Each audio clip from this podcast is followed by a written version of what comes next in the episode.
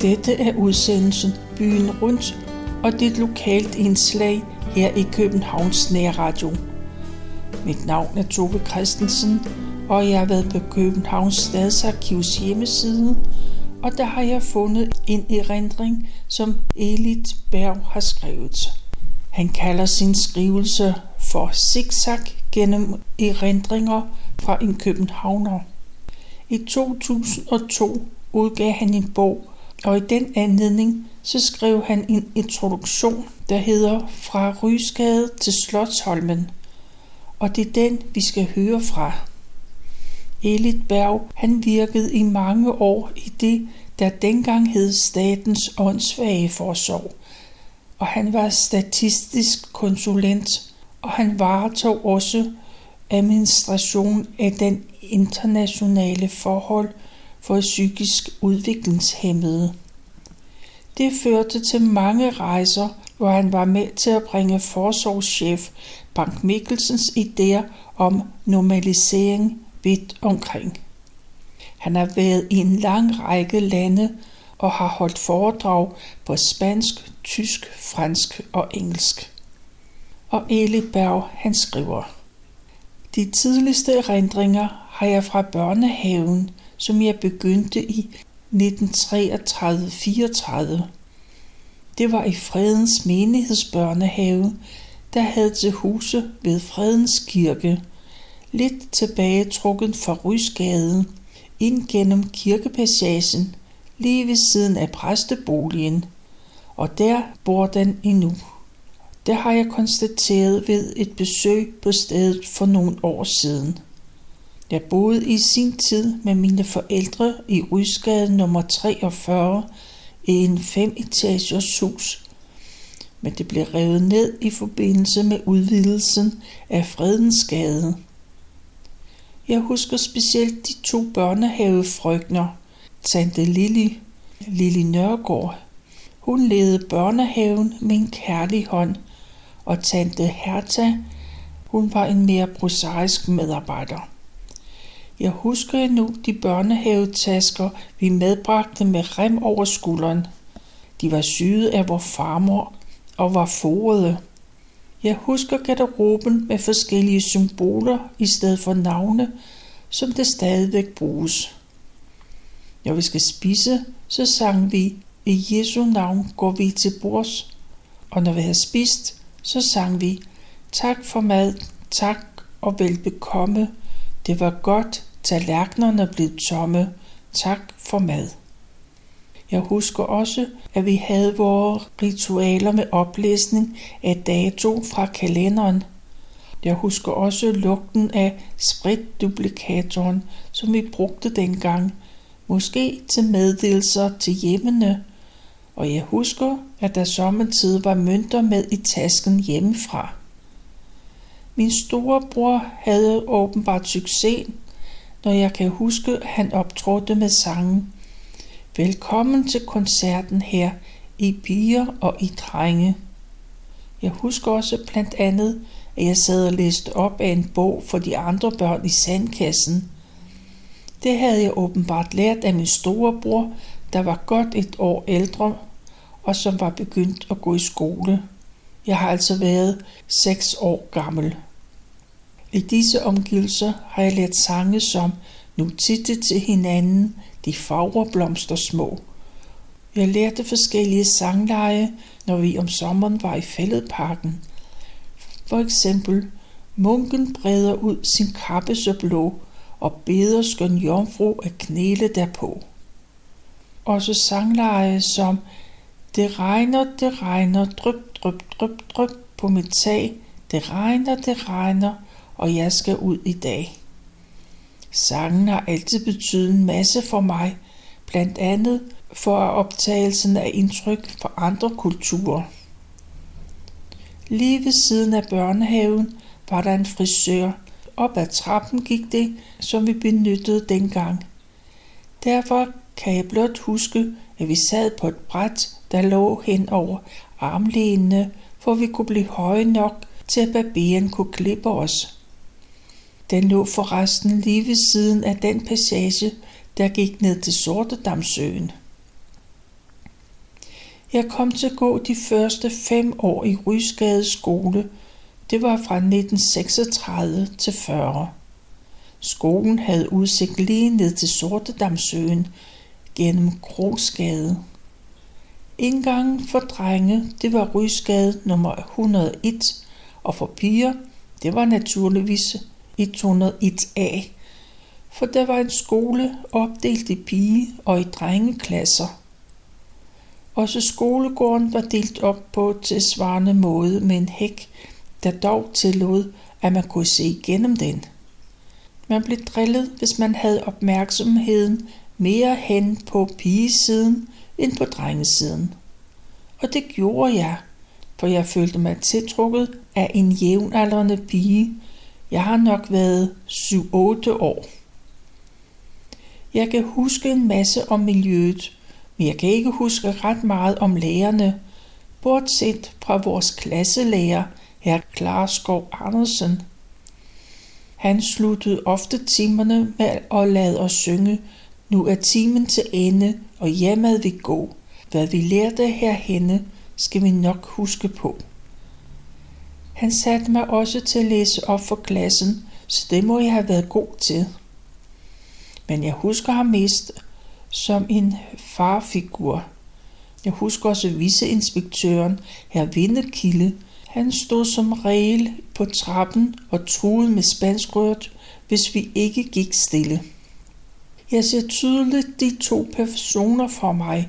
Den ene elegant, den anden tyk og truende med karseklippet gråt hår. Og så kan jeg huske inden, men jeg kan ikke huske hendes navn. Hun gjorde et stort nummer ud af afslutningen et år. Der skulle vi synge blandt andet noget om, noget, noget om, noget om København, som var svøbt i blæsten. Jeg kan også huske, hvordan vi læste med krøllede bogstaver, altså gotisk skrift. Jeg kan huske besøget på kommunebiblioteket med at lære inden. Tænk, så mange bøger der var. Den lokale afdeling af kommunebiblioteket, det lå dengang i en fabriksbygning.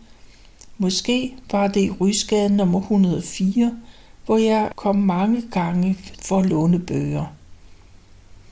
Men i disse omgivelser, i Rysgadens skole, der hældet mange af barndommens sange.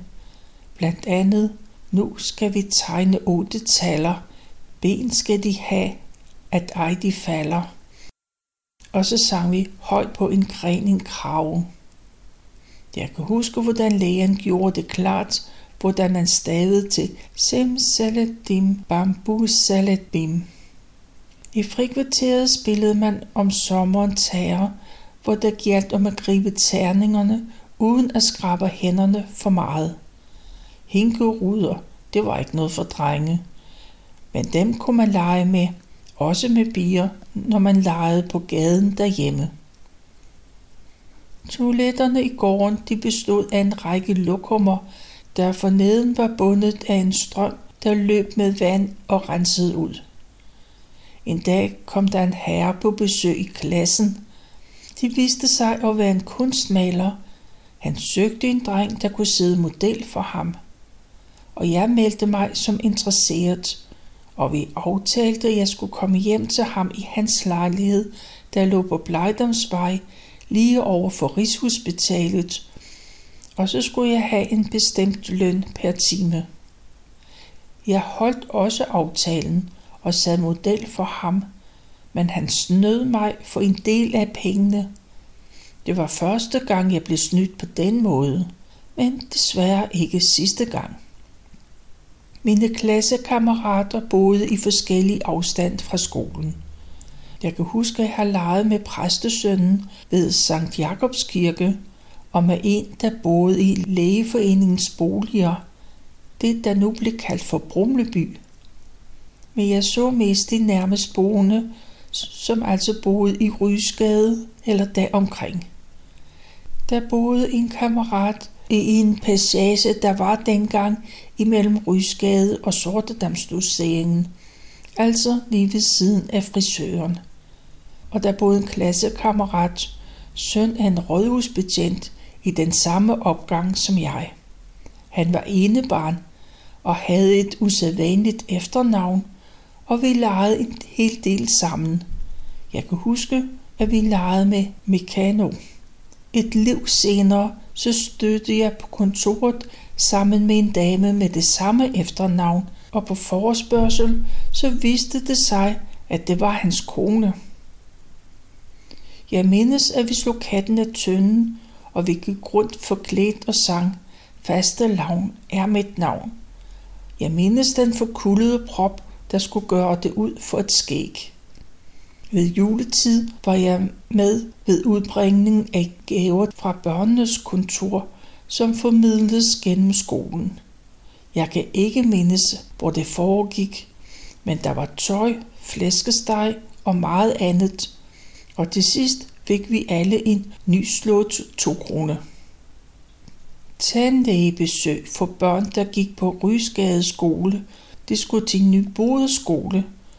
Og det var et pinligt gensyn med Nybode skole, da i slutningen af krigen gik på Østerbrogade, og de tyske tropper, der var stationeret der under krigen, begyndte at skyde ned på gaden lige i nærheden af mig.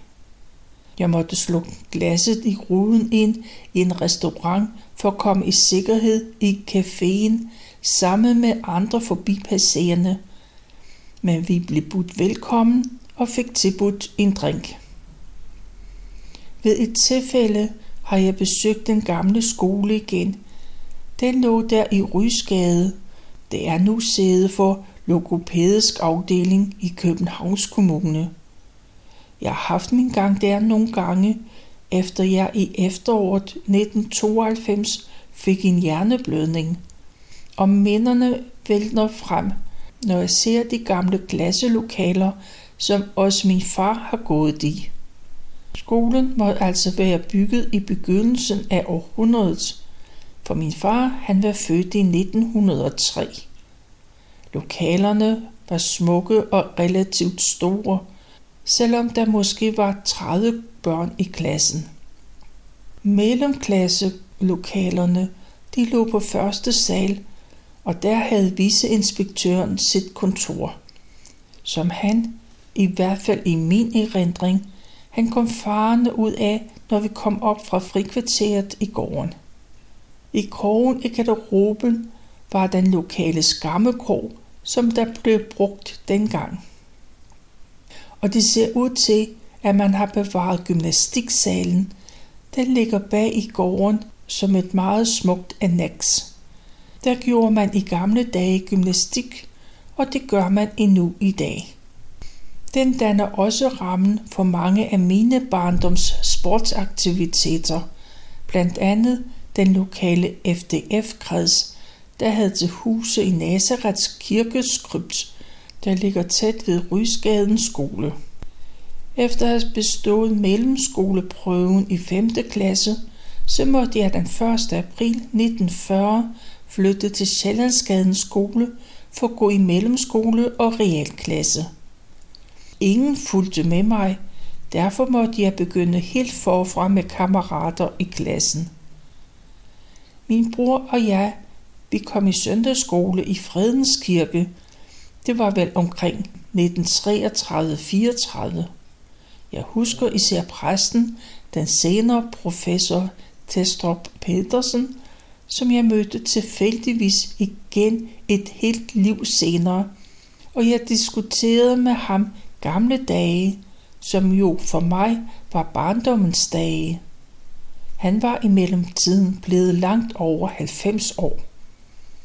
Jeg husker, at min bror og jeg sang om kap, og her var det, jeg lærte de første salmer at kende. Jeg husker lokalerne og husker, at vi til tider var delt op i grupper for at snakke om det, vi lige havde hørt. Og så mindes jeg den dukke, som med et nik takket for hver mønt, der blev lagt i bøssen. Jeg husker også missionær Andersen, om end kun flygtigt, han var en lille mand med kortklippet gråt hår og alvorlig. Af salmer har vi vel lært denne. Lille Guds barn, hvad skader dig? Tænk på Gud Fader i himmeri. Og vi har også lært, nu vågner alle Guds fugle små, og en masse andre salmer. I krigens år betød FDF-aktiviteterne meget. De foregik i Nazaretskirkens krypt. Der blev om aftenen holdt foredrag for fremtidsvisioner om flyveteori, og orkestret spillede. Det var min bror med i, og så blev der spillet revy. Andre aftener var der aktiviteter i troppen, hvor vi lærte blandt andet at bruge morsealfabetet og knopbinding. Af sange lærte vi blandt andet den højtidelige Væbner er vi, du og jeg, hvor der forekommer FDF's motto Ret ryggen og tal sandhed. Det er et motto, der har betydet meget for mig. På den anden side lærte vi også, vi er børn af sol og sommer. Der var også udflugter, men jeg var som regel forhindret på grund af mit morgenjob med at bringe mælk og brød ud. Jeg kan dog huske Hareskovbanen en søndag formiddag og rejsen ud til Hareskoven. Der er nu kun den gamle banegård tilbage ved siden af Nørrebro station, som er ved at blive klemt af de høje huse, der bygges tæt på. Det var en fest i gaden, når FDF K6 orkestret trak op gennem gaden med fuld musik med min bror på trompeten. Når vi om aftenen gik hjem fra mødet i FDF, kunne det ske, at vi gik langs med søerne, altså af sortedamsdoseringen. Her morede vi os med at slukke nogle af de lamper, der stod langs søerne. Man kravlede op ad lygtepælen og trak i en af de to kroge, hver lygtepæl var forsynet med. Men en begivenhed gjorde et stort indtryk på mig.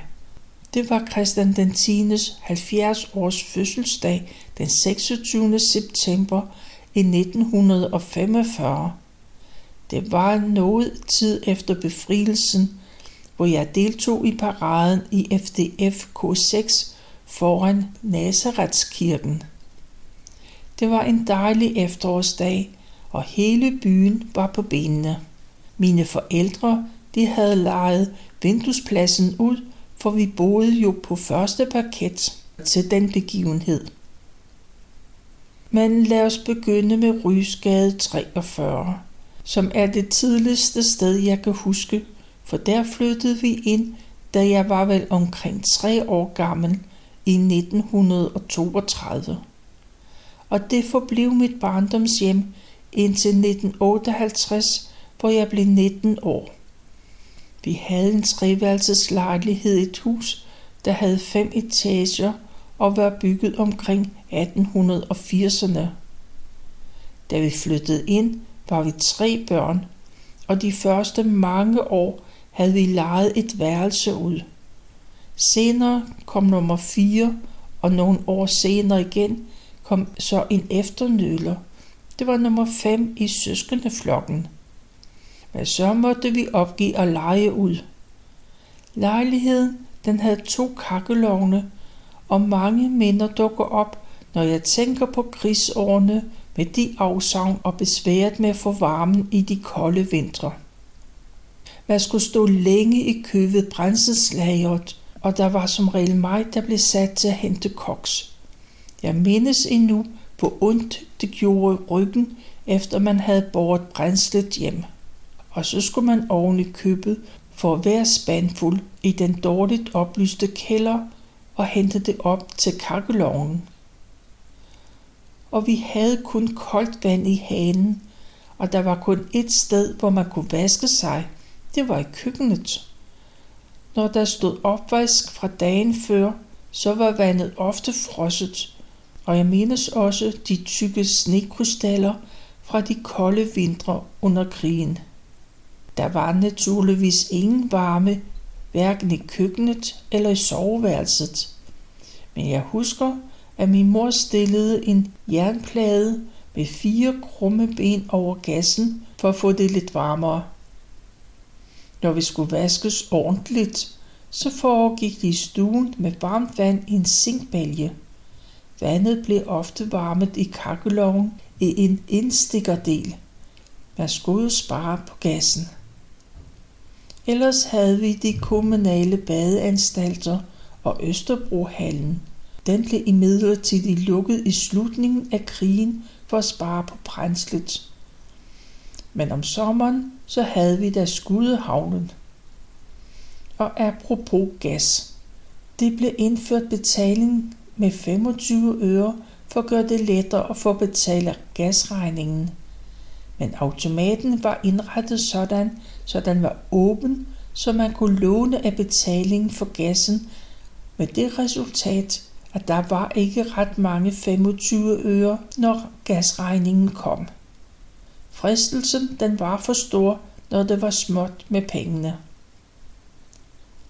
Værst af alt, det var i de samtlige vintre, altså i 41 til 45, der måtte jeg sammen med min bror bringe mælk og brød ud fra ismejeriet. Jeg begyndte, da jeg var i 11 års alderen.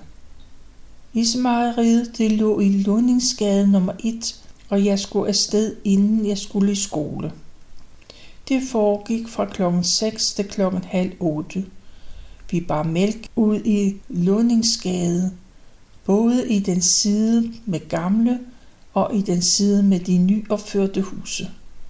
Vi var også i nogle opgange i Rysgade, Trepkasgade og ved Stiftelsen, altså kronprins Frederiks og kronprinsesse Louise stiftelse ved søerne ved Sortedamsdoseringen. Vi fik morgenmad i Ismailit lige inden vi styrtede hjem for løb i skole. Jeg tjente vist 12 kroner om ugen, men de fleste det betalte jer derhjemme. Fra min første tid med udbringen af mælk kan jeg huske en løbeseddel om, at kronprinsparet havde fået en lille pige. Det var den 16. april 1940, og jeg kan endnu huske, at der blev skudt salutskud.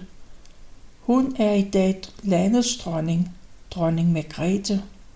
Jeg husker fra krigens seneste tid blandt andet, at der blev kastet lys fra en lyskaster på en virksomhed i nærheden, lige da vi nærmede os med mælken. Efterhånden som krigsårene gik, steg spændingen i befolkningen, og vi fandt flere og flere illegale blade stukket ned i et eller andet, for eksempel ved et nedløbsrør.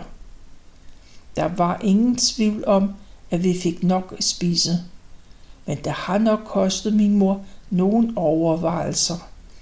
Vi har fået masser af solgryn, for jeg husker, at vi fik forskellige bøger, herunder frimærkealbum fra Ota.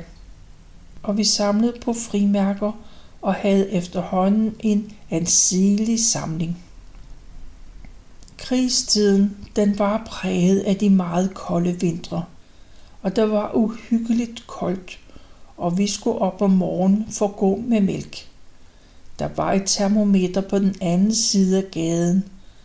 Det var meget koldt, og det snede ofte. Sneen blev ryddet af vejen, men det var først, når vi var færdige med at bringe mælk ud. Til med var det svært at have handsker på, når vi skulle gå med mælk. Jeg kan endnu mærke flaskerne i hænderne, ofte fem flasker i hver hånd.